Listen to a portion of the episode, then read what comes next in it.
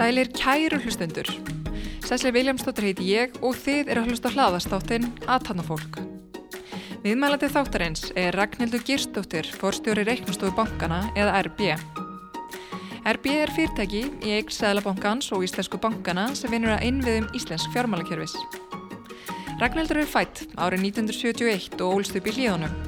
Hún gekk í mentaskólinni í Hamrallíð en það lág leiðan í Háskóli Íslands þar sem hún lög prófi í vél á yðnaverkfræði. Ragnhildur lög síðan MS-gráðu í yðnaverkfræði frá háskólanum í Wisconsin og MS-prófi í viðskiptafræði frá sama skóla árið 1998. Eftir útskrift of Ragnhildur störf hjá fjárfestingabanka Aturlífsins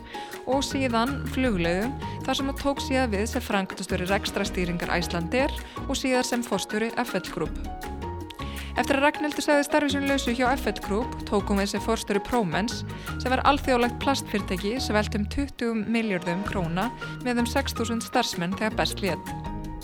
Ragnhildur var síðan sem frangotastjóri rekstrar og upplýsingasviðs hjá landsbókunum og stutt sem aðstofaförstöru hjá VÁ ER, flugfélagi, þangar til hann tók við sem fórstörustólum hjá RB. Í dag fá við vera aðtafnasugur Ragnhildar.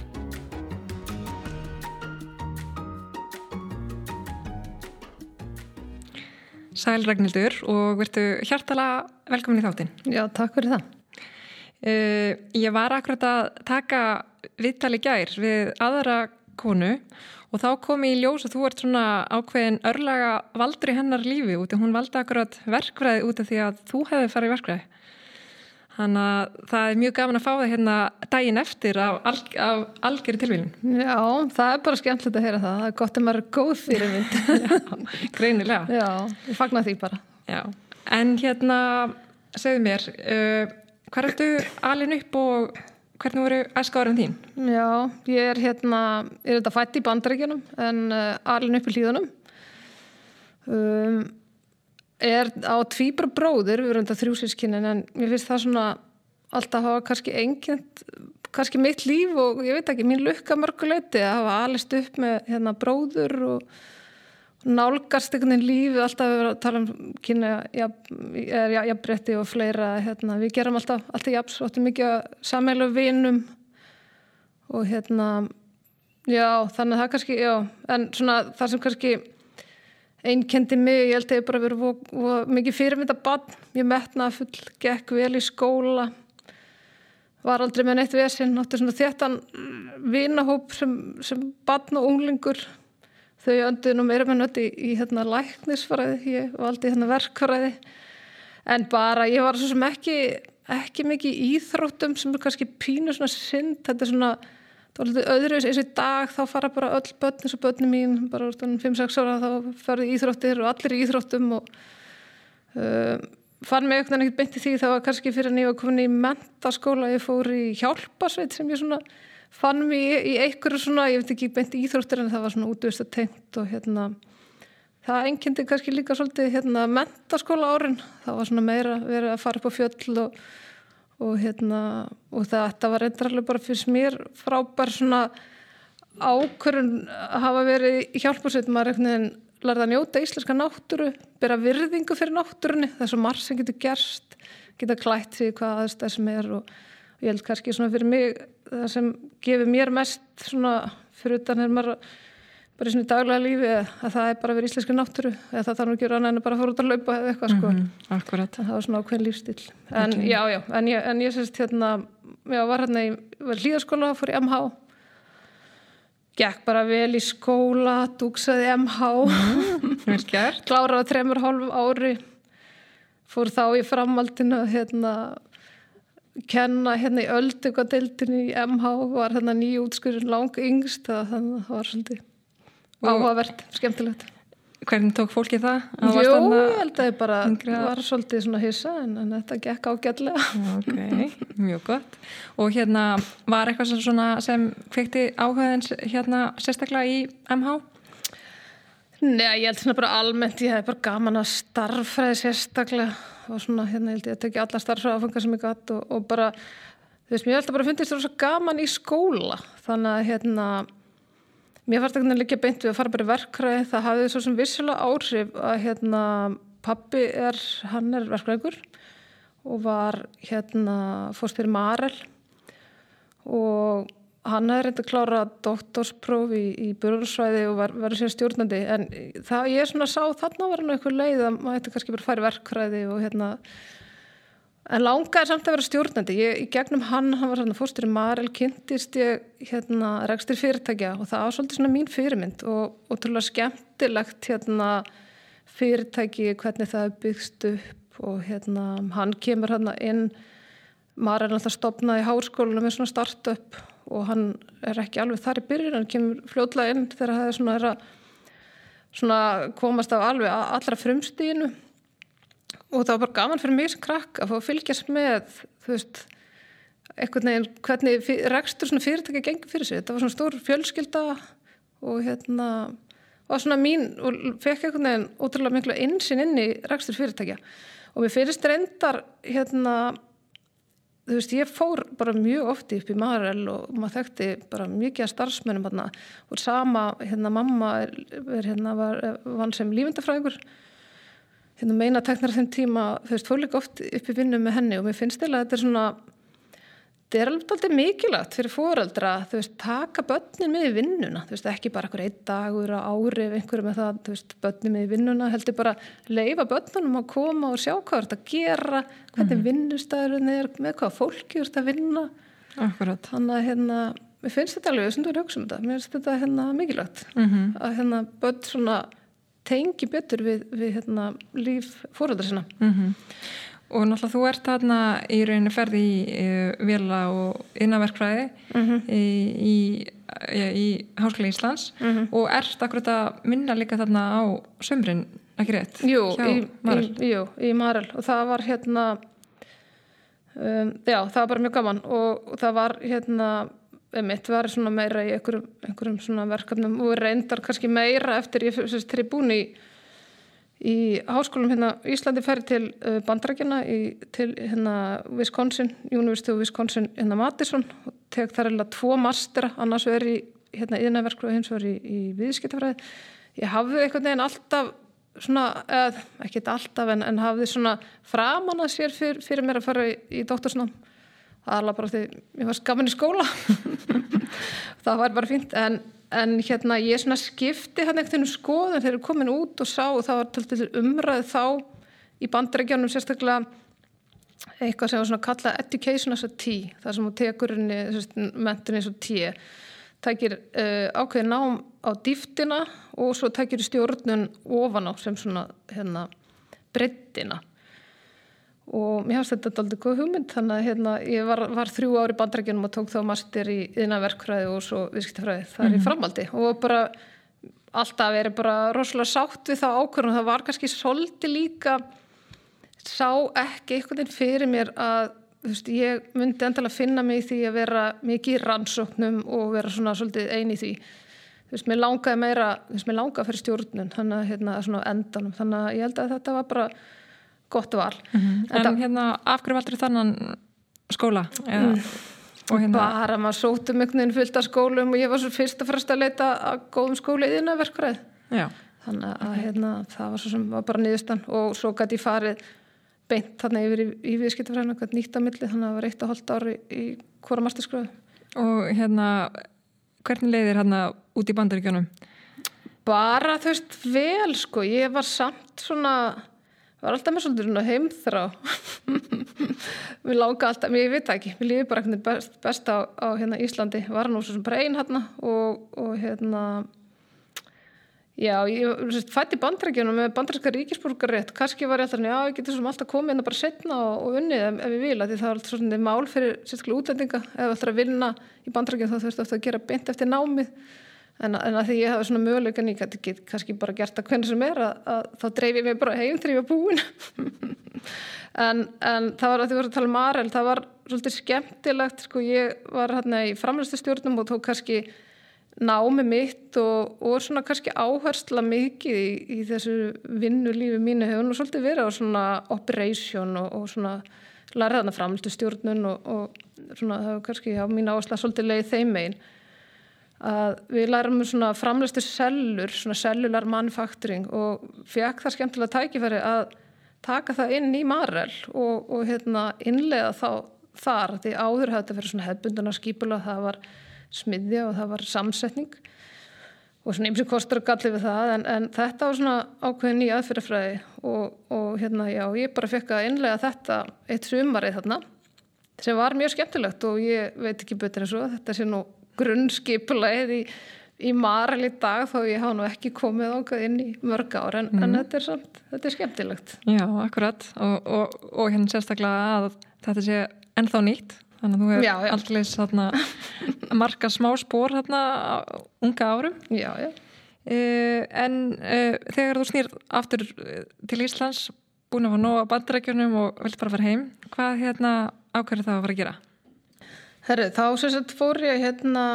var í eitt ári hérna fjárfyrstingabanka aðtöðulífsins var þar í svona alls konar greiningum og mikið reynda líka var, var í svona fyrirtækjarákjöf og vermatti fyrirtækja. Einhvern veginn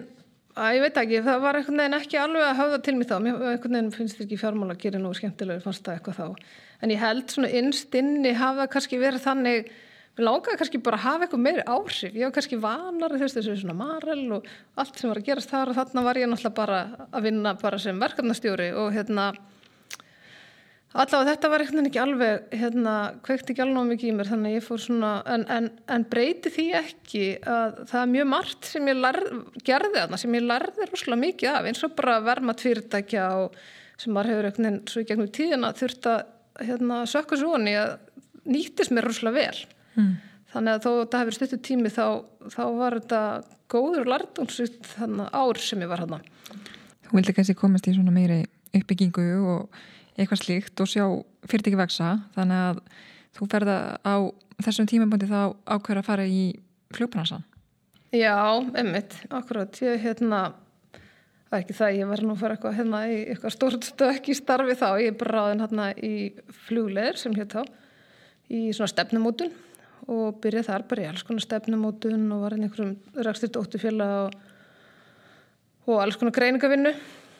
og kannski það sem svona vakti mestan áhuga minn þar var leiðakerfið í, í Æslandir og greining á því. Og það er svona, svona mínu mati hérna í flugfélagum er þetta svolítið hjartað er svolítið þú veist það náttúrulega fyrstulega þú veist hvert er marga flug, flugvilar sem erst að fljúa og sem bara hvert er þetta að fljúa hvernig er þetta að nýta þessar flugvilar, hvert er þetta að fljúa og kannski minni takmarkanir hér svo sem á hvaða tíma þetta er svona Ísland út af Íslandir eiga og sem hann hafa náttúrulega Æslandir og Æsland Express og Vá, eða ekki Æsland Express en náttúrulega Æslandir og, og, og Vá og síðan hérna Play núna er að, veist, að nýta Ísland sem svona þennan, hérna, þennan hub þar sem hefur á fljúa til hérna Európu og Bandaríkinn og nota rauninni nýta sólarhengin en hérna, já, það er svona svolítið hérna hjart, en ég, ég tel svona hjarta í arsemi uh, fljófélana er hvernig hún nýtir náttúrulega vélarnar, þú veist, hvert er marga vélar hvert er það að fljúa vélarnum.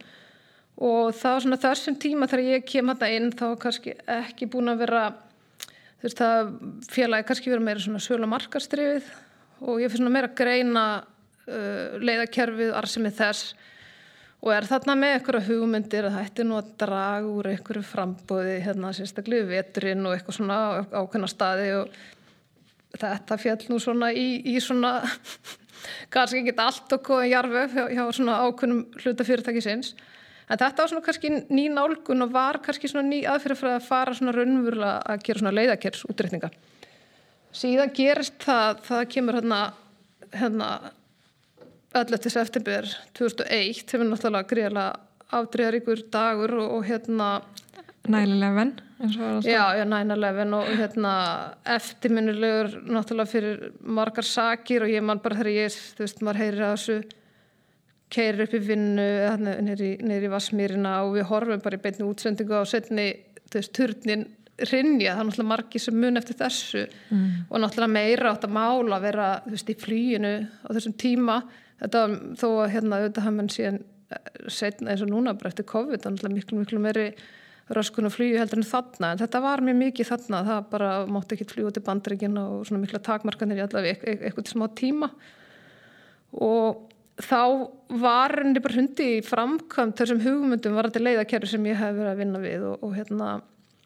sem skilaði bara þessum miklum árangri því að árið eftir var bara svona eitt af besta í kannski sögu fluglega á, á, þessum, á þessum tíma. Um, en þetta var bara þetta, mjög, mjög hérna, skemmtilegur áhörð tími. Er margt að breytast hjá Æslandir og, og startitt með. Uh, Getur það sagt okkur frá þessu breytingum? Já, sko ég verð síðan hérna rann held ég rækstarstýring árið 2003 þannig að þá er ég yfir leiðakjærisútrætningunum og mannausmálum og var það fyrsta kona sem var Frankværtastjóri í sögu þú veist flugleiða og forverða þess sem er auðvitað alveg merkilegt fyrir svona margar sakir. Það er ekkert eins og hafi verið eitthvað innan þessa fyrirtæki sem var eitthvað stóði vegi fyrir því að konur eru frangotastjóru en það var auðvitað kannski stjórnenda lægið undir frangotastjórum var bara mjög kallægt þannig að það var kannski ekki eins og að væri margar konur þarna að banka upp á þannig lag en ég var auðvitað bara heppin og ég held svo sem kannski mínu svona hvað sem er starfsfram eða starfsþróun hefur auðvitað bara verið hepp með það ég unni með fólki og, og hérna sem hefur bara haft trú á mér og þarna var ég að vinna með um, mikið með Einari Sigurssoni og Sigur Helgarssoni sem bara höfðu trúa mér og gáð mér bara tækifæri sem hérna var auðvitað bara mjög mikilvægt fyrir mig mm. og hérna Og hérna hvernig leiði þér svona í í, í þínu fyrsta svona stjórnundastarfi þarna? Bara vel sko, bara þetta var, já, já, þetta var ekkert svona þarna kannski fekk maður bara svona meiri svona meira vægi og verið hlusta meira á mann, ég var ekkert, þetta var ekkert eitthvað svona reysastór stór mannaforð og þannig akkur í þessu fyrsta starfi en þetta var svona það var kannski svona symbolist þannig þannig að var komin fyrsta konan. Ég, ég reyði síðan sko konu nummið tvö þarna sem frangotastjóra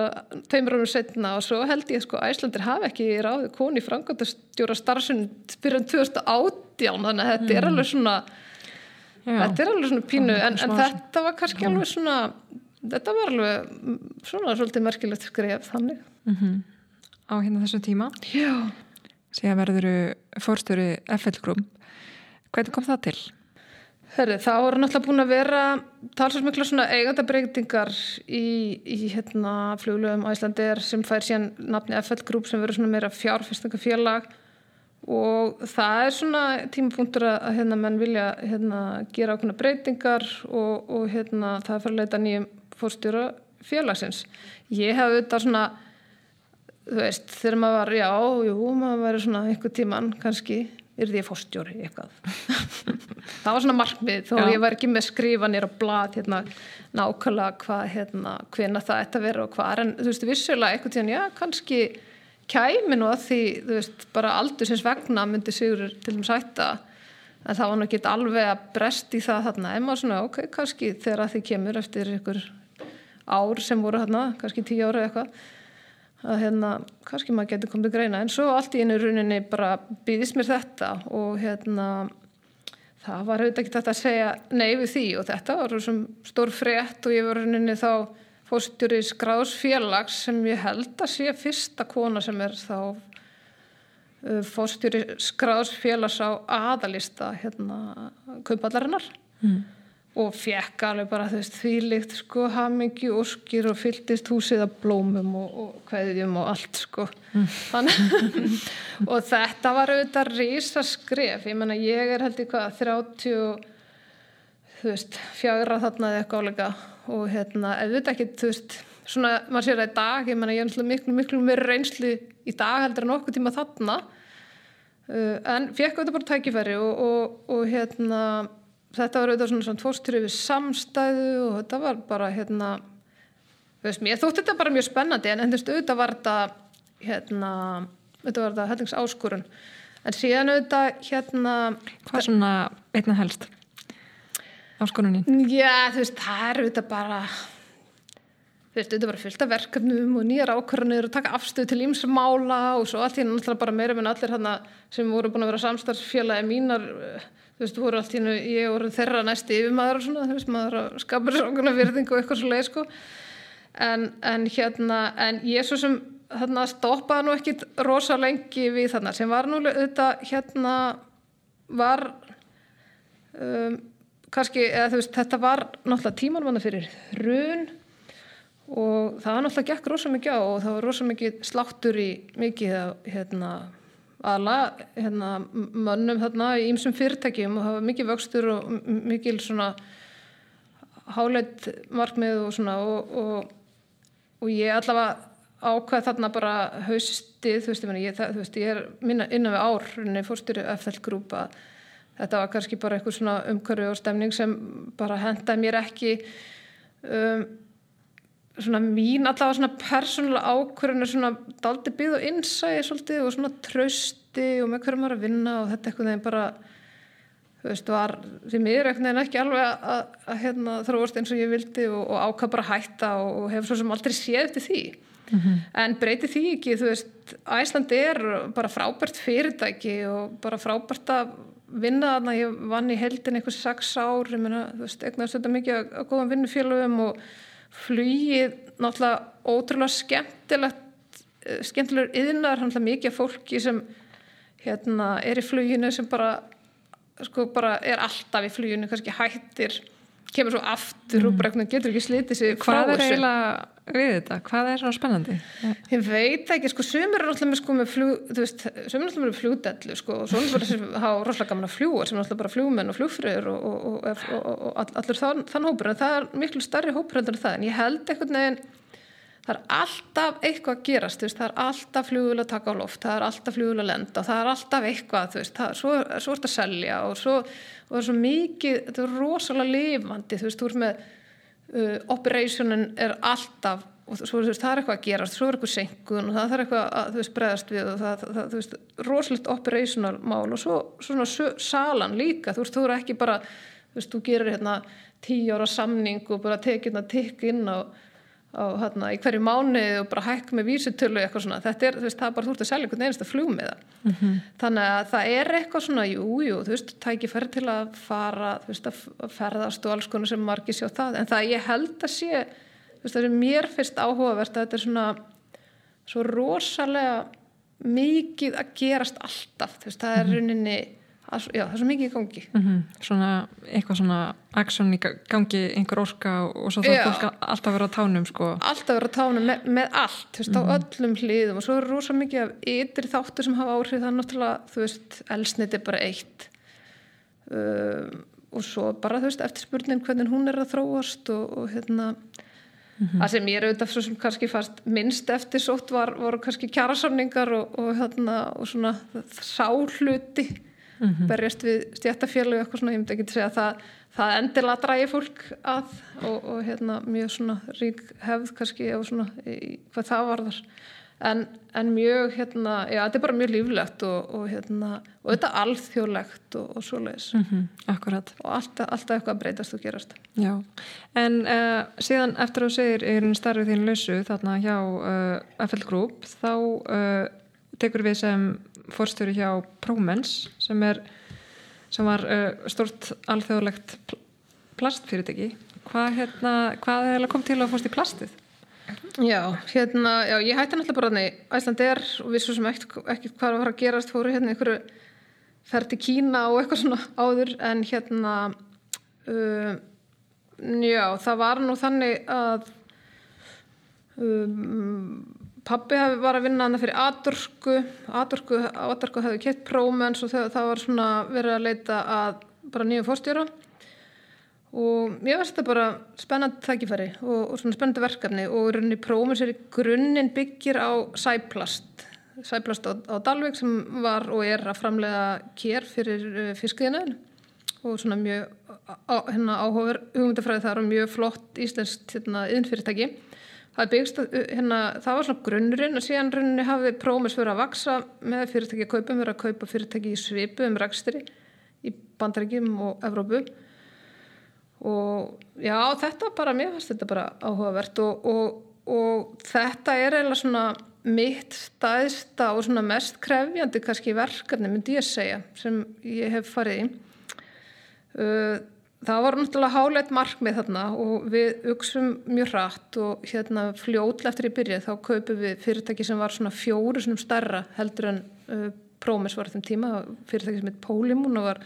skráð í, í Nóri þannig að þegar mest var þá voru við með 60 veksmiður í 20 löndum með einhverju 60 starfsmenn veltan einhverju 20 miljardar og þannig að þetta var bara reysa verkefni og það var náttúrulega þú veist, sumar veksmiður gengur náttúrulega betur en aðrar og þú veist, við vorum að loka veksmiðum og fara í alls konar endur, endur hérna, endur skipulagningu og svona. Það var náttúrulega mjög áhugavert þarna til að byrja með þú veist, það var alveg bara þetta, og hérna, þetta var bara mjög kallægur heimur. Ég held að þessum 60 veksmiðum var engin kona veksmiðstjóri og var engin frangandstjóri kona það var reyndar hérna einn á Íslandi sem var sem frangandstjóri neða svona veksmiðstjóri í Tempuru sem er uh, framlega fröðblastkassa og einangrun. Uh, en þetta er mjög kallægt og þarna byrtist allt í hennu hérna einhver bara ung kona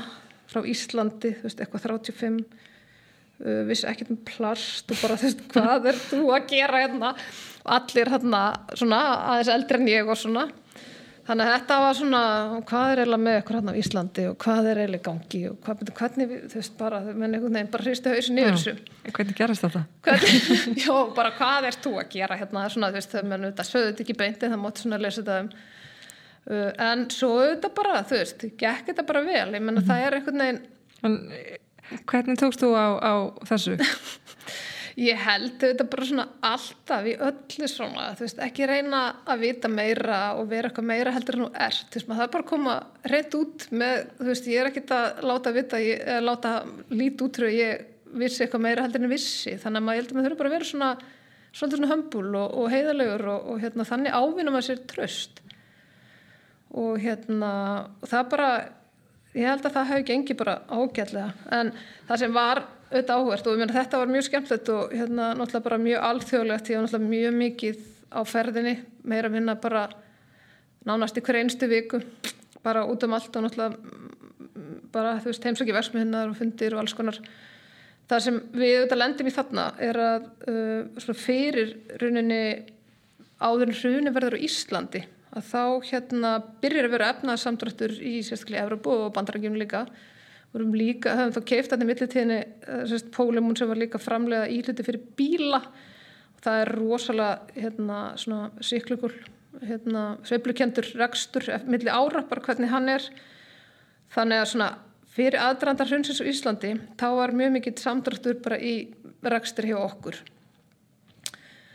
Og, og svona var svona verða svona svolítið kræfandi og, og hérna og var svona, þú veist, það er náttúrulega búin að vera miklu fyrirtækja kaupum og svona, þú veist, fjármögnunum kannski freka svona tætt og svo þeirra svona þurfti á hlutvanum að halda sem á þessum tíma voru Aturka og Landsbankin sem áttu félagið að mestuleiti um, þá eiginlega bara þess að kemur bara hrunið og hérna, og það eiginlega bara hlutafnir eiginlega bara hverfa eða skilur, þú veist, Landsbankin alltaf bara, þú veist mm -hmm. Landsbank Íslands var að landsbankanum og, og aðdorka, þú veist, náttúrulega bara áttu sína, er,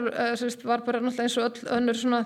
Teslas fél og bara voru krefandi tímar og endanum uh, hverfur eila sko. En það sem var mjög áhugavert þá og svona ég veit ekki, var til þess að þetta við náðum að sykla í gegnum þetta við hefum átti mjög góður sambandi við megin banka uh, prómenn sem var DNB í Núrei og svona við hefum alltaf bara, við vorum reynda með hérna breskan fjármálastjóru sem var frábært að vinna með og hérna við lögum alltaf rosa miklu áslu í öllum samskiptum eins og við bankana, bara segja alltaf hlutin eins og eru, þú veist, við vorum áallinir og bara hreinskilni þú veist, þetta leiti ekki nú vel út og hvaða plönu við vorum með og hvernig við ætlum að vinna með þetta. Þannig að DNB bara stóð bara ekkert með okkur í gegnum þetta og ég maður bara fekk sko símtal frá einu frangöðustjóra hérna sem konar endar í, í DNB sem ringdi bara í mig og segja á veist, við hennu bara setja verðið þetta við ætlum bara veist klára þetta með ykkur mm -hmm. þannig að hérna svona þú veist lærdómur og þú veist ekki bara þessu í svo mörgu þú veist maður þarf bara þú veist segjum hlutinni sem erum ekki þú veist fegra hlutina. Við lítum bara út fyrir að bara næsta ári er bara þú veist við erum bara djúm skýt sko. Við erum bara þá að segja það. Og ekki þú veist koma síðustu stundu þú veist þeir eru bara þú veist það er bara allt í steik hérna sko. Mm -hmm.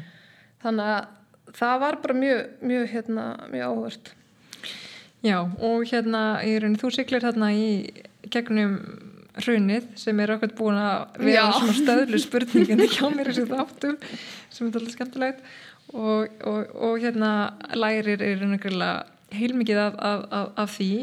Uh, hérna en, en líka þú náttúrulega er einhverjulega bara svona þróskast og þróist í þessu starfi hann sem forstjóri og þú ert þarna í eitthvað 5-6 ár. Akkurat. Uh, svona hvað hérna uh, svona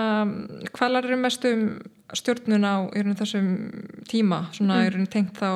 öðru fólki kannski meira heldur en í raun reksturum Já, sko ég myndi segja þetta sem er að segja sko vinna bara rosa þétt með hagsmunnaðalum skiptir rosa miklu máli, þú veist, vinna bara mjög þétt með hlutöfum og, og hann að rauninni, þú veist, í okkar tilum það böngunum skiptir bara rosa miklu máli. Þú veist, og það, það bara og, svona, og helstu hagsmunnaðalum en síðan var annað líka sem ég var mjög svona lærdansríkt að við vorum náttúrulega með hérna 60 vegsmiður og það var náttúrulega stöðt vera að skoða hvernig þeim geng þess bara, þú veist, náttúrulega bara greina og skoða afkomu og hvernig þetta gekk allt saman. Og þú veist, stundum lokuðum vegsmiðum með saminuðum og, og alls konar, stundum voru verið fjárfesta. En mér fannst svona, sem var alltaf svona samilegt sko, það helst alveg svolítið í hendur það sem að var svona ákveð vandraði kannski með stjórnendur að þá þú veist, maður oft var búin að sjá það svolítið fyrirfram að kannski voru þeir vandamáli og maður svona tendur svo oft til að kannski stundum að vera aðeins svo lengi að taka á vandamálunum. Mm. Maður vissi kannski innstinni að þetta væri ekkit að gera sig hjá viðkomandi og oft var það raunin að þeirra var bara skipt um verksmiðustjóra þá, þá breytir hlutin til hins betra. mm, Þannig að, hérna, en, en auðvitað vil maður alltaf gefa fólki tækifæri til að bæta sig en, en þú veist, ofta er kannski bara fólk ekki þú veist, í réttastarfinu eða eitthvað svo leiðis Mhm. en þarna var svo, kannski auðvelt að sjá svolítið samabjörn þú veist með 60 veksmiður auðvitað engin veksmið eins og engin í eins sko umhverfi að selja mismunandi vöru. En það er svona þú veist svona það var, átti, var oft svona svolítið sameilegt, það var svona smá eitthvað vandragangur í, í, í stjórnunni í versmiðinu sem hérna. Mhm. og, og líka annars, veist, ég er alltaf mjög gaman að svona framlegslu og svona veksmiðum bara að lappa um, þú veist, er gott skipula, þú veist, ef það er eitthvað í drasli og þú veist, þú horfir á baku vélarnar og þú veist, þetta segir ótrúlega mikið hvort að það gengur vel eða ekki bara það sem allt er í góðu skipulagi og svona lítið vel út. Akkurat, það er yfirleitt eða mjög oft segir svona svolítið um restina því sem að Já. gerast. Það er svona eins og með í rauninni, hérna, veitingastæðina maður er alltaf aðeins að kíkja inn í eldhúsið. Já, þetta Á- er, á- á- akkurat, akkurat, þetta er pínu þannig að klósið er reitt, sko. Akkurat, hún er bara kom tíminni hérna hún eh, Katrín hérna frangat fyrir lít, Lísis, hérna Katrín Bitturður og hún líka var svona, hún er svona fasinlutur af akkurat verksmiðum sko. Talaði mikið um það. Um, en, en, en hérna hvað er þetta fyrirtækja í rauninni stætt í dag? Herru, það var, um, Prómes var síðan selt til hérna Brest félag og ég held að svo rauninni var það áframselt síðan til annars fjárfestingafélags. Uh, en það sem er reyndar áhvert það voru sérst þannig tvær íslenska verksmiður á uh, rauninni Sæbrúst og Dalvik og Tempra sem er í Hafnafyrði um, eru komnar eftir því sem ég best veit í eigu ís- íslenskra aðala núna sem er bara mjög mjög sér jágætt og skemmtilegt að því þetta eru mjög flottar og, og velreknar veksmiður Mm komnar aftur heim. Já, einmitt. en hérna,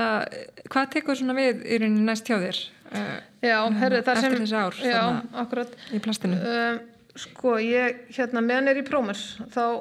eignast ég stráki minn 2009 og svona áttaði mig kannski þeim tíma að það færi nú ekkit endilega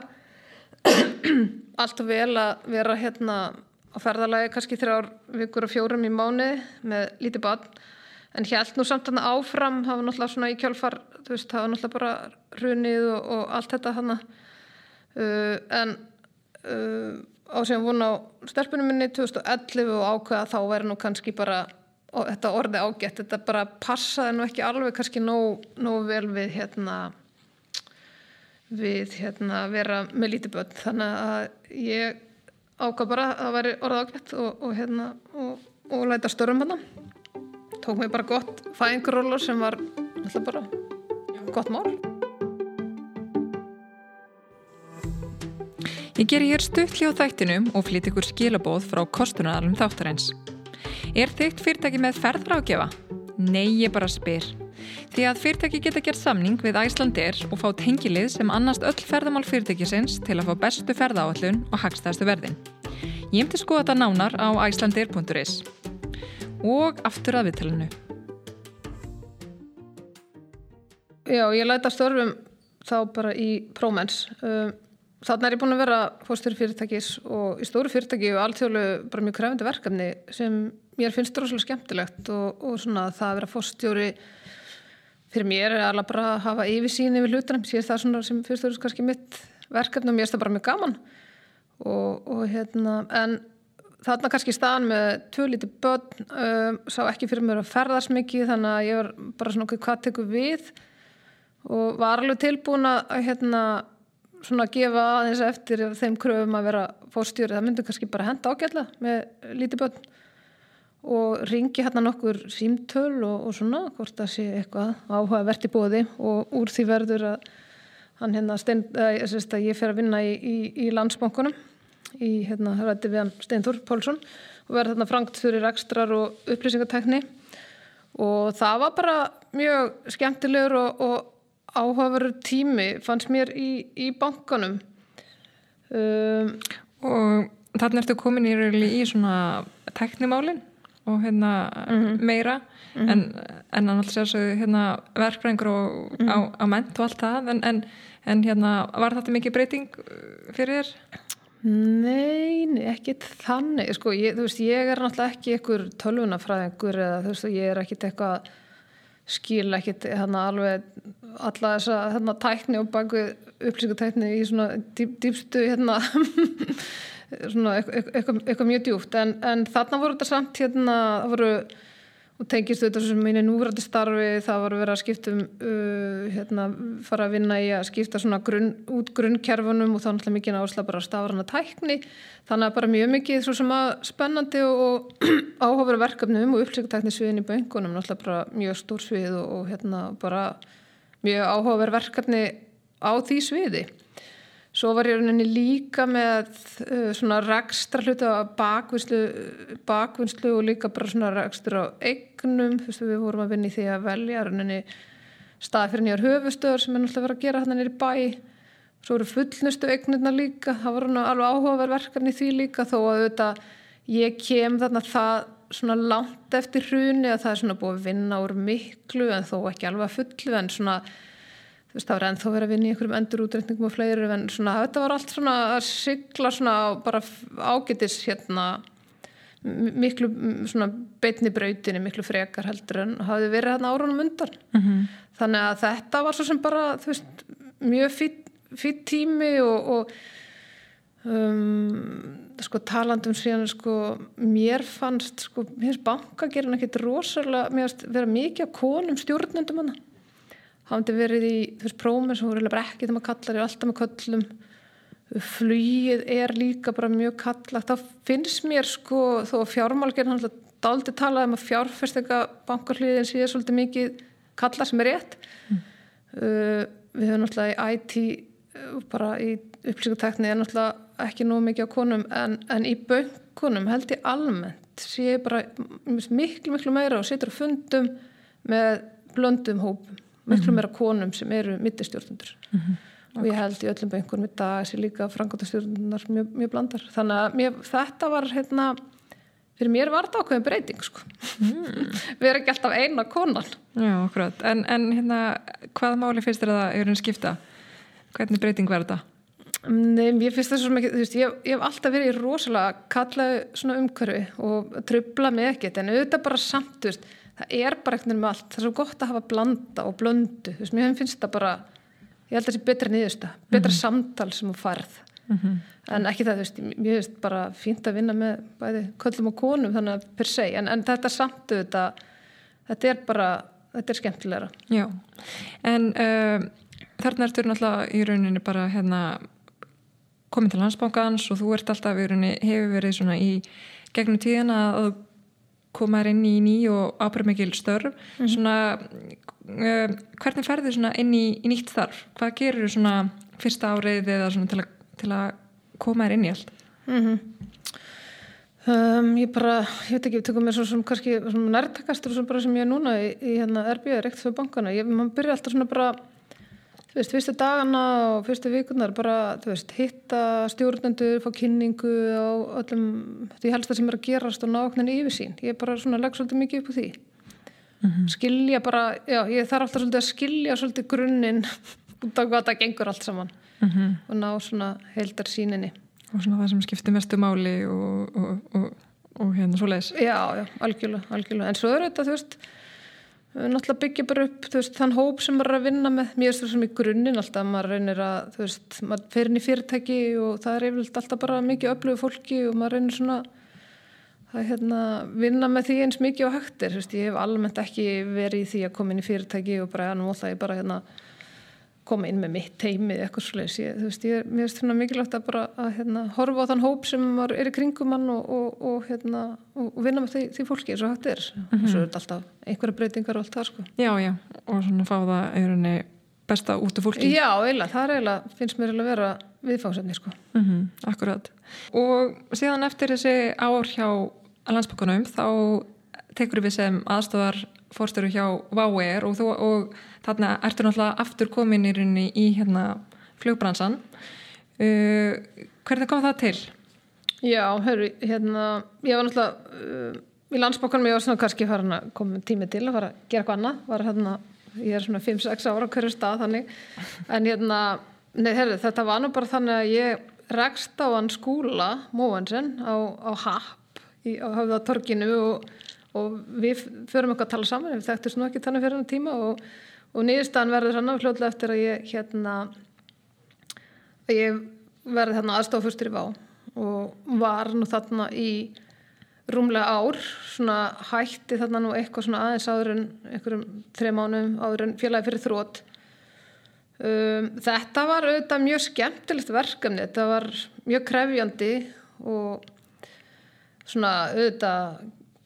mjög svona sveiplukent að ákveðnu leiti. Mér var mjög gaman að koma í flugi aftur og, og hérna, verið svona litlu, kannski minna fyrirtæki rauninni kannski fluginu miklu betur heldur en ég var í Æslandir. Bara fara ekkert inn í miklu fleiri hluti. Uh, Félagi var náttúrulega búin að vaksa rosa mikið, það var margt sem var náttúrulega bara margi ferlar og alls konar sem var náttúrulega kannski ekki alveg eins og bestur á kosið þannig að það var margt gert á þessum allavega stöfta tíma sem ég var. Það var til dæmis uh, var svona svolítið erfir aðstöð með það að vera statt hérna á Íslandi fljóðmælli, þess að vera með hennar höpp á Íslandi og það var einhvern veginn þennan vetur hérna sem ég var var ótrúlega mikið, mjög slæmi veðri þannig að það voru bara hérna, félagar sem voru grándagar hérna, eða þú veist bara stra fólk strandaglópar og, og svona það var ekkit kerfi til að halda utanum þetta, það var bara eitthvað tabla upp á vegg og skrifa sko nýður hvað voru margir farþegar fastir hér og þar og maður bara, herðu, er, er þetta að fá eitthvað svona aðeins yfirsýn, hvað er þetta margir og hvað er búið að leysa og vanda margra? Og það var eiginlega þetta að svara þessu.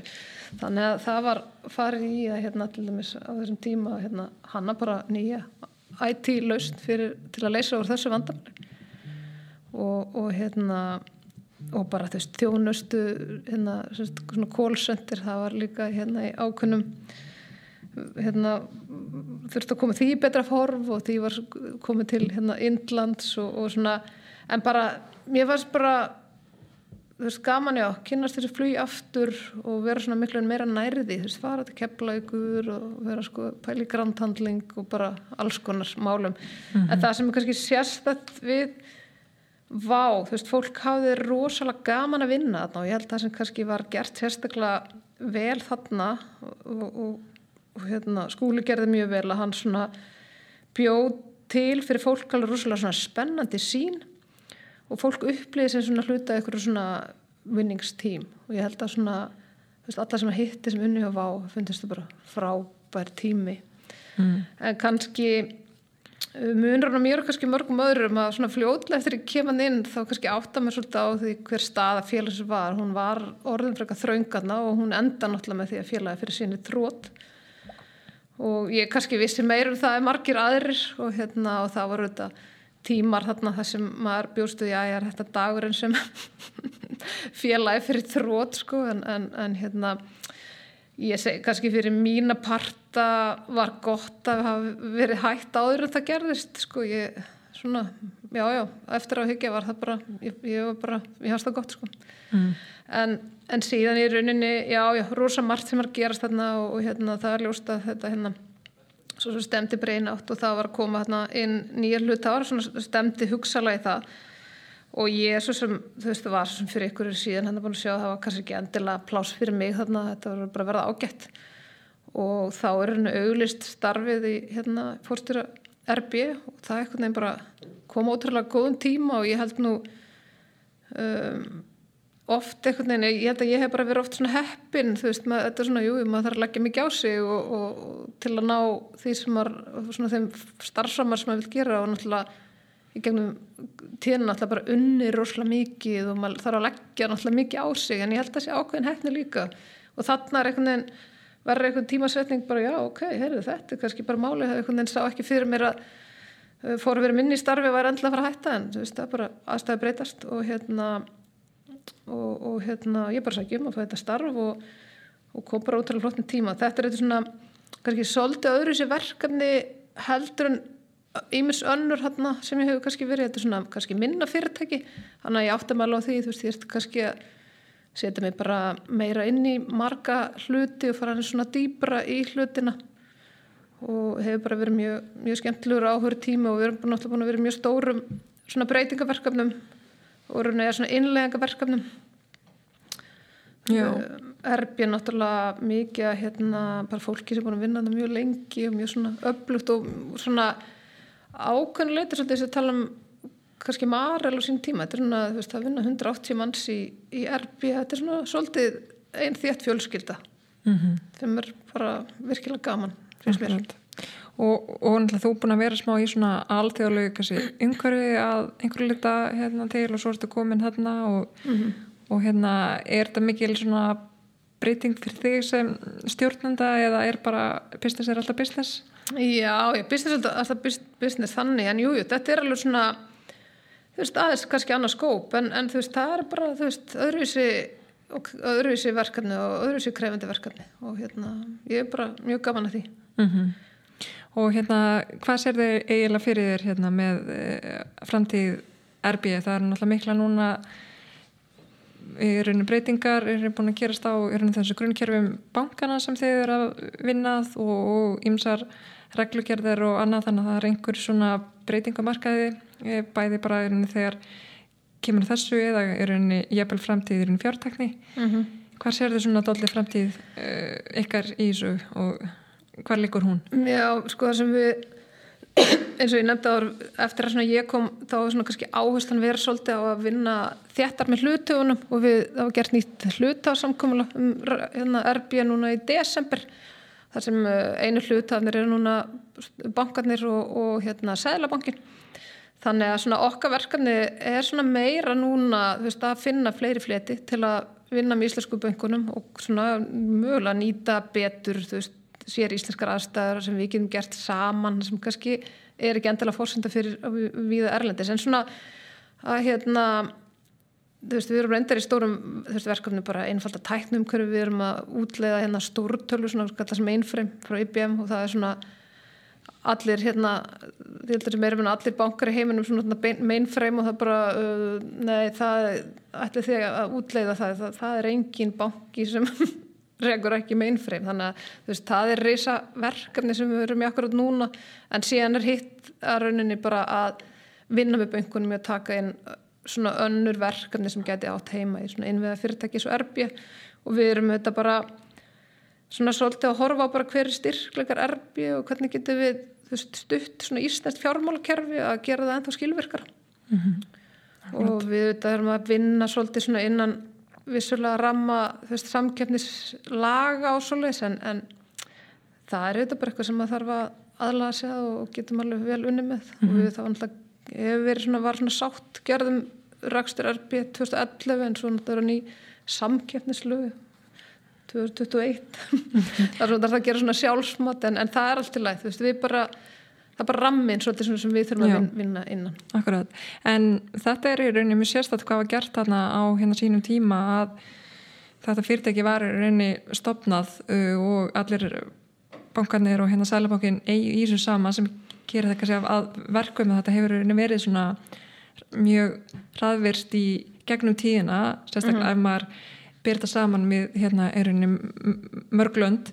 og, og hérna Akkurat, já, nefnilega góð að suga því að ég var akkurat að vinna sem gældkeri hérna öruglega því ég var öruglega svona 90, já, öruglega svona 20 og þá var hérna Clint Eastwood að taka upp mynd á Íslandi.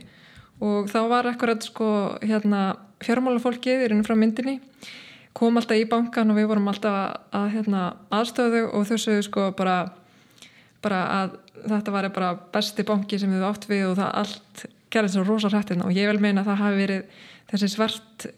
kvíti gluggi sem ég var að vinna hann með sem var akkurat kyrður af hérna, reiknustöðu bankana já, já. Nei, það er alveg rétt að það hérna, svona rauntíma greiðslimilum hefur verið raunin við líði á Íslandi síðan 1985 og það er jafnvel, þú veist, Erlandis í dag eru svona bankar og, og innan hverja lands vera að vinni því og hérna okkur finnst þetta bara alveg mjög eðlilegt að hérna geta millifært á millibanka eða þú veist innan banka en það er líka millifæri millibanka og það gerist sko samstundis. Mm -hmm. og þetta er ekkert sjálfgefi en þetta byggir á því samstarfi þessu flotta samstarfi sem hefur átt í stað í erbíu gegnum tíðina. Og svo runnir þessi kröfupottur það sem við, hann er líka alveg einstakur á, á svona heimsvísu. Ég, við vitum alltaf ekki til þess að sé önnur svona laust það sem allir, þú veist, dæla einn kröfunu geta bara gegnum sinn banka og byrtist í öllum hérna netböngum, mm -hmm. þannig að það er ótrúlega flott laust líka, þannig að þetta er svona bæði kannski svolítið byggir á þú veist, smæðinu Íslandi. Og hvað er hægt að gera? Og við þurfum að halda þessu áfram. Algjörlega, eh, en ef við svona lítum aðeins í baksinu speilin, hvað hérna Hvað finnst þið svona búin að búið að vera skemmtilegast uh, af þessu? það er svo sem ekki þetta að gera neitt upp á milli en þú auðvitað, þú veist, mér finnst auðvitað gaman að fá að vera kannski fórstjóri, mér finnst þetta bara veist, það finnst mér bara skemmtilegt þú veist, það er ekki Já. það snúist um að stjórna sko, heldur bara svona, þú veist, það eru þau eru að bera ábyrjana og hérna þú veist, vera með stjórn og, og passa upp á yfirsýnina og halda svona einhvern veginn á svona bóltónum sko, mér, þú veist, mér finnst það skemmtilegast, mér finnst það bara mjög gaman og það bara, þú veist, ávelum mig og ég held að um, ég er svona þú veist, ég er alltaf metnafull og, og hérna, og, en ég er samt svona, held ég ná svona ákunnu kærleis upp á það að gera, þú veist, ég missi mjög sjaldan svefn út af vinnunni, þú veist, það hefur verið mörg, mjög margar miklar áskorunir, segjum eins og í prómens var þetta fjármögnun eða, eða bara staðan og vá hann í gegnum tíðina veist, þetta var nú ekkit svona var mjög krítist tíma. Að hérna þú veist maður þarf einhvern veginn að til eitthvað svona ákveðna hugsun þú veist maður þarf auðvitað þú veist maður þarf að vinna mikið og maður þarf að leggja ókslega mikið á sig og en kannski auðvitað umfram alltaf hafa gaman að þessu og, og hérna það var einn sem ég mitt sagði eitt sem við mig já, er, er ekki vinnað en áhuga mál og, og ég held að það sé nú kannski veist, til sem var einhvern veginn endist í þessu og hafa gaman að þessu þá þarf maður auðvitað bara að hafa gaman að verkefnunum. Mm -hmm. og ég ég finnst ég bara svona almennt þú veist ég hef bara haft gaman af þessu verkefnum sem ég hef verið í. Það er bara hérna ég er bara heppið með það en kannski líka við þarf bara. Já, akkurat einhver samblata hana á, á, á milli og svo kannski bara dasa kærleysi þannig að maður sé nú ekki að missa svefni yfir Já, öllu. þú veist, akkurat, þú veist, maður stundum þú veist, maður læri ekkit endilega alltaf að klára allt, sko þú veist, og auðvitað þessum eldri sem að verður þú veist, maður kannski sér veist, það er ekkit rosa gálegt að vera þú veist, vaka langt fram að nótt, skilur og, og hérna vera illa sofin, veist, það sé þá betra stundum bara hætta fyrr og, og hérna, mm -hmm. þetta reddast eitthvað daginn eftir en, en, en vissulega sko, samt kjarnin í þessu líka er að maður þarf að vera að vinna með öflug fólki og góðu fólki og, og maður læra það náttúrulega fljótt sko, maður þarf að geta deligera og ég held að það sé svona kjarnin málsins og það er kannski svolítið svona minn svona stjórnunastýla, þú veist, ég vil svona að fólk sem vinnur með mér bara fá að njóta sín og hafa tækifæri og, og svona fá blómstra og þá þarf maður að gefa þú veist, vera tilbúin að gefa frá þessu verkefni. Þú veist, þannig að ég vil ekki að ég sé að gera allt, þú veist, því ég held að maður tekur of mikið til sín, þá tekur þú líka frumkvæði þú veist, af þeim sem eru að vinna með þér. Mm -hmm. þannig að svona veist, það sem maður læri svona empowerment veist, ég, ég, svona það er hugdag sem ég, ég trú á. Og annars svona maður veldur átt fyrir sig svona með svona leadership og svona þú veist og, og svona alltaf svolítið svona svona hort mikið til svona mjög sterkra leiðtóðar sem fólki fylgir með veist á eftir leiðtóðanum og hann er með svo skýra sín og allt þetta. Það er alveg gott og gilt en, en maður, það er bara svo mikið dæmum veist það sem bara fólk fylgir einhverjum í blindni og niðurstan ennú ekkit alltaf góð. Veist ekkit, ekkit endla bara í fyrirtækjarækstri bara þú veist við getum tekið þjóðarleit þá hér og þar. Hefum nokkuð dæmi um það bara akkurat núna. Að svona, þú veist, ég hef miklu mér trú á svona, þú veist, ebla fólkið í kringum þig og þú veist, við í saminningu, þú veist, búum til sín, setjum okkur markmið og svona gefa fólk ekki tækifært til blómstra, þú veist, mm -hmm. ég, þú veist, ég er svolítið þar, heldur en að ég sé hérna einhver aðal stjarnan og allir er að hlusta mig og eitthvað svolítið, heldur meira, já, búa til umhverju það sem, um, já, þessi mitt hlutur skal búa til, þess að vera með gott heimi og vera með rétt að teimi og það eru þetta alltaf þannig þess að maður þarf að hafa topp fólk með sér, veist, þannig gerast hlutinir mm -hmm. en maður þarf að þú veist passa sig að vera ekki að, hérna, ykkur micromanagement og ég vil ekki, veist, ég vil hafa yfirsýn, ég vil vita þú veist, hvað ákvarðanir er verið að taka, hvað er að gerast en ég þarf ekki að taka allar ákvarðanir sjálf sko, mm -hmm. þú veist, ég vil bara treysta fólki til að gera það, en, en mitt samt sem fórsturu verði samt að vita þú veist hvað er að gerast? Og ég held maður hafa yfirsýnina en maður þarf líka held ég svona það er samt mikilvægt líka að geta skilit smáadriðin á þess að vera í hverju smáadrið og skipta sér hverju smáadrið en ég held að maður þurfa að skilja alltaf svolítið vel þann business sem maður er í mm -hmm. og bara það sem er að gerast. Já, svona hildi myndina þannig að eru líka kannski þannig að smáadriðin breytist ekki smá saman í sko stóru ádegin og maður nei, nei, nei. tekur ekki eftir því sko og það er líka auðvitað margt sem getur breyst Akkurát, akkurát, það er svona að hafa já, það er að hafa hérna, vil þessi hlutark fórstýru auðvitað bútið sínina og þú veist, og maður vinnur það með bara, þú veist, stjórnundum og stjórn og svona, en það er já, ég held að öndanum svolítið að hafa yfir sínina En eins og það að unni miðla síninni og því að mm -hmm. þú mhm. kannski sér það eitthvað sem stjórnandi mjög stert unni fyrir þér mm -hmm. og, og fólk í rauninni skilur hlutina á hérna mismundi hátt mm -hmm. hvað hefur svona gagnast þér best? Já, mitt þar, já, það er eitthvað svona sem maður getur alltaf gert heldur betur, veginn að miðla síninni til starfsmanna og þú veist, við erum svona núna alltaf með veist, starfsmanna hundi aðra okkur viku þú veist, maður er að passa upp og vera þetta og með með hérna svona workplace og, og, og fleira þannig að hérna en En ég er samt svolítið líka vil bara þú veist að fórstum en sé, þú veist þetta er ekki bara eitthvað að ég sé eitthvað að miðleikur og ég held að veist, það þarf svolítið að bara vera hjá hópunum veist, að taka stefnina á miðlinni. Mm -hmm, akkurat. Uh, en ef þú verður ekki hérna fórstjóri uh, og ef þér ekki farið þessa leið í, í lífinu, hvað held, heldur þú að þú verður að gera? Góð spurning sko eitthvað annað sem hefði komið til greina? Næ, ég, þú veist, nei, raunin ekki. Mér finnst þetta bara hérna, rosa mikið af fólki í kringum sem, og vinum mín sem fór í læknir svo að ég eitthvað nefn, mér finnst það mörgleiti heillandi, þú veist, margt svona tengt svona heilsu og heilbreyði en einhvern veginn er aldrei höfða til mér að vinna á spítala þannig að ég held ég að nú ekki enda þar en, en hérna Nei, þannig að þú veist, þetta er einhvern veginn bara, ég, ég veit ekki hvort sé svona stjórn sem eitthvað, ég veit ekki, en, en einhvern veginn, þetta er einhvern veginn, þú veist, um, e, einhver starf, þú veist, þegar ég var bara, ég veit ekki hvernar, þú veist, það bara, já, mér langar að vera, það væri rosa gaman að geta orðið í hann forstjóri. Og, það, og það tókst, sko, en, en hérna, en ég er ekki til að segja að það takist bara, ég var bara eitthvað að hugsa það, þú veist, maður þarf að, ég meina, framan af, ég meina, þú veist, aðra en eignast börnin mín sem er, þú veist, ég eignast stráki minn hvað 37 ára og dóttir minn er um færtugt þú veist, maður gerði lítið hann aldrei en að bara að vinna, þú veist, maður mistir náttúrulega fullt af hlutum, en að vinið mín er að fara í einhverju ferðarlega og gera alls konar þú veist, ég ætla bara að vinna. Og þetta var bara þú veist, hætta klukkan fjögur þú veist, bara hvað er það sko? Þú veist, maður var bara, þú veist, vinnan, ræktin, borða vinna, þú veist, þetta var bara svolítið svona. Mm -hmm. og þú veist Já, jú, þú veist, þú veist, auðvitað skiptir þetta máli og ég held að þú veist, meðan maður er ekki kannski með ómikla skuldbindingar, þá getur maður auðvitað unnið eins og vittlesingur en, en hérna, svo breytist það náttúrulega rosa mikið þegar maður komið fjölskyldu og verður þetta forgarsröðun allt önnur en, en kannski þú veist í mínu tilfelli að því eignast þau svo seint að maður er kannski búin að leggja bara alltaf vel inn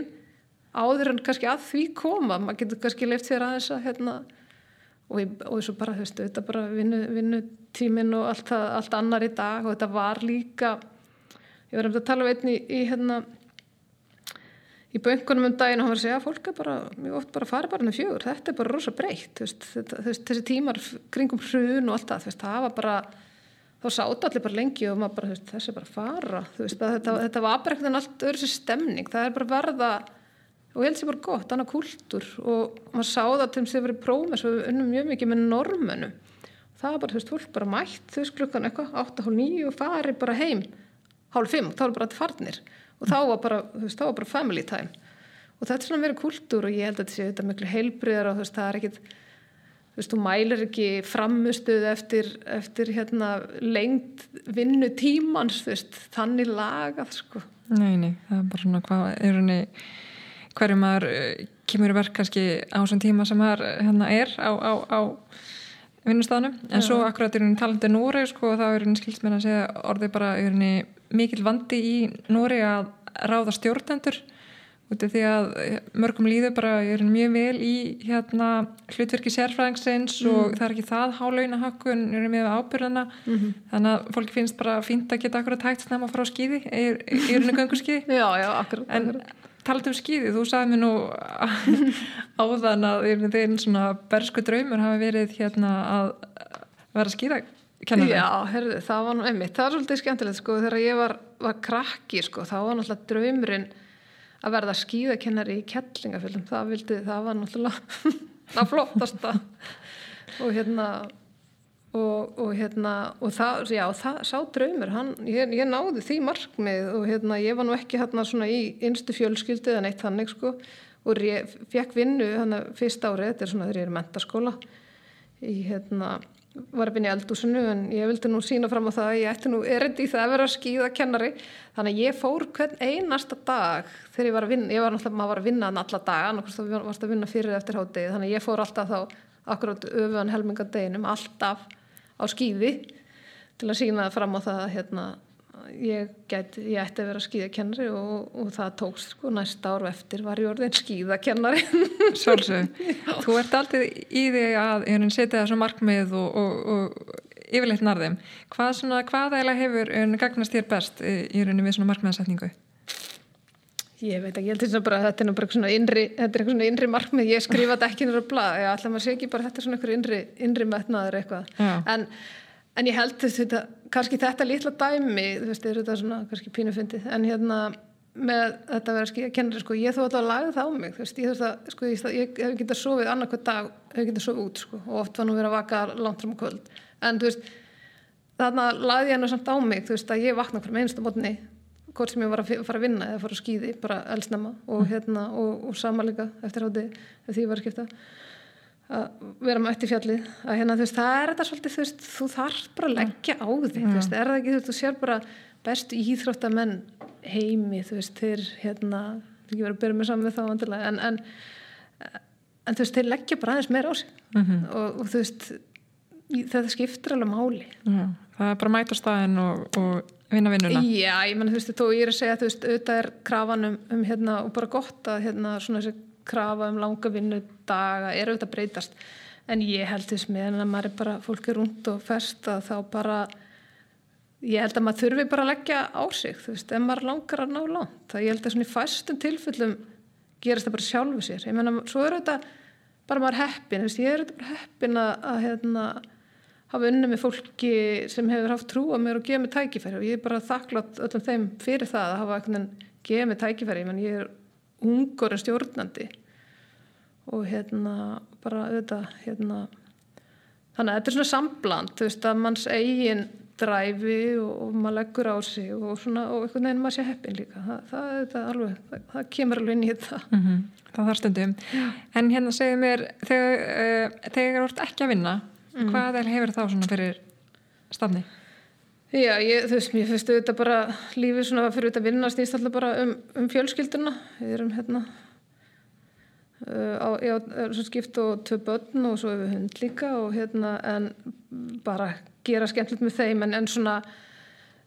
það sem samt svona ég fæ bara mest út úr það er að vera út í íslensku náttúru bara líka bara með þeim og gera eitthvað saman ég meina ég svona mín mesta svona mér finnst það rosalega gott að fara út að hlaupa eða fara að hjóla og svo bara eins og ég nefndi að ég var svo sem var í lærir og ég bara strax sem bann, þú veist það mikið í gönguferðu með, með fóröldri mínum og svo leiðis að ég bara, þú veist, við erum einhvern veginn út í náttúrunni, gefa mér bara ótrúlega mikið, veist, ég þarf ekki að fara endilega, þú veist, búið kannaldarsnjúku eitthvað, það er bara, þú veist, við býðum nákvæmlega heið, heið, hérna, bara höfðmörk, bara basically gardinum hjá mér að hérna, bara fara út í íslenska náttúru og reyfa mig, mér finnst það bara það gefur mér ótrúlega miklu orku og bara með um mig sjálfur mér er bara fínt sko, ég er svona smá einfæri í mér en, en líka bara með fjölskyldinu, þú veist, fara bara hjóla eða mm -hmm. labba eða bara, þú veist, hvað sem er, þú veist, við vorum á kæjagum um helgina og eitthvað svona, þannig að það er bara það finnst mér rosa gaman. Akkurat uh, en svona að lókum, ef þú horfir yfir fyrirlin, uh, hverju ertu stolt af? Stóra spurningin. Nei, þú veist, ég held ég að sé bara stolt af því að hérna já hafa orðið ung stjórnandi og bara einhvern veginn haldið því áfram. Þú veist, ég er bara, þú veist, ég er stolt af því hafa verið kona, hafa náð svona langt. Um, ég hef einhvern veginn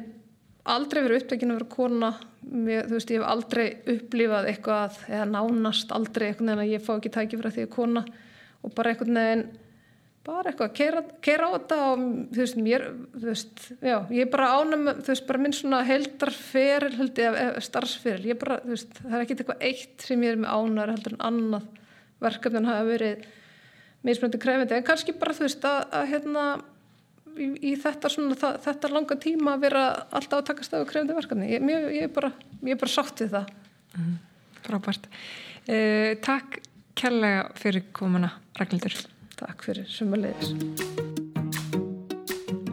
Ef þú vilt heyra fleiri sugur af aðtapnafólki þá hveti þið til að íta á subscribe-knappin á hlavarspöytunni þinni og fylgja okkur á samfélagsmiðlum. Ekki missa af næsta þætti.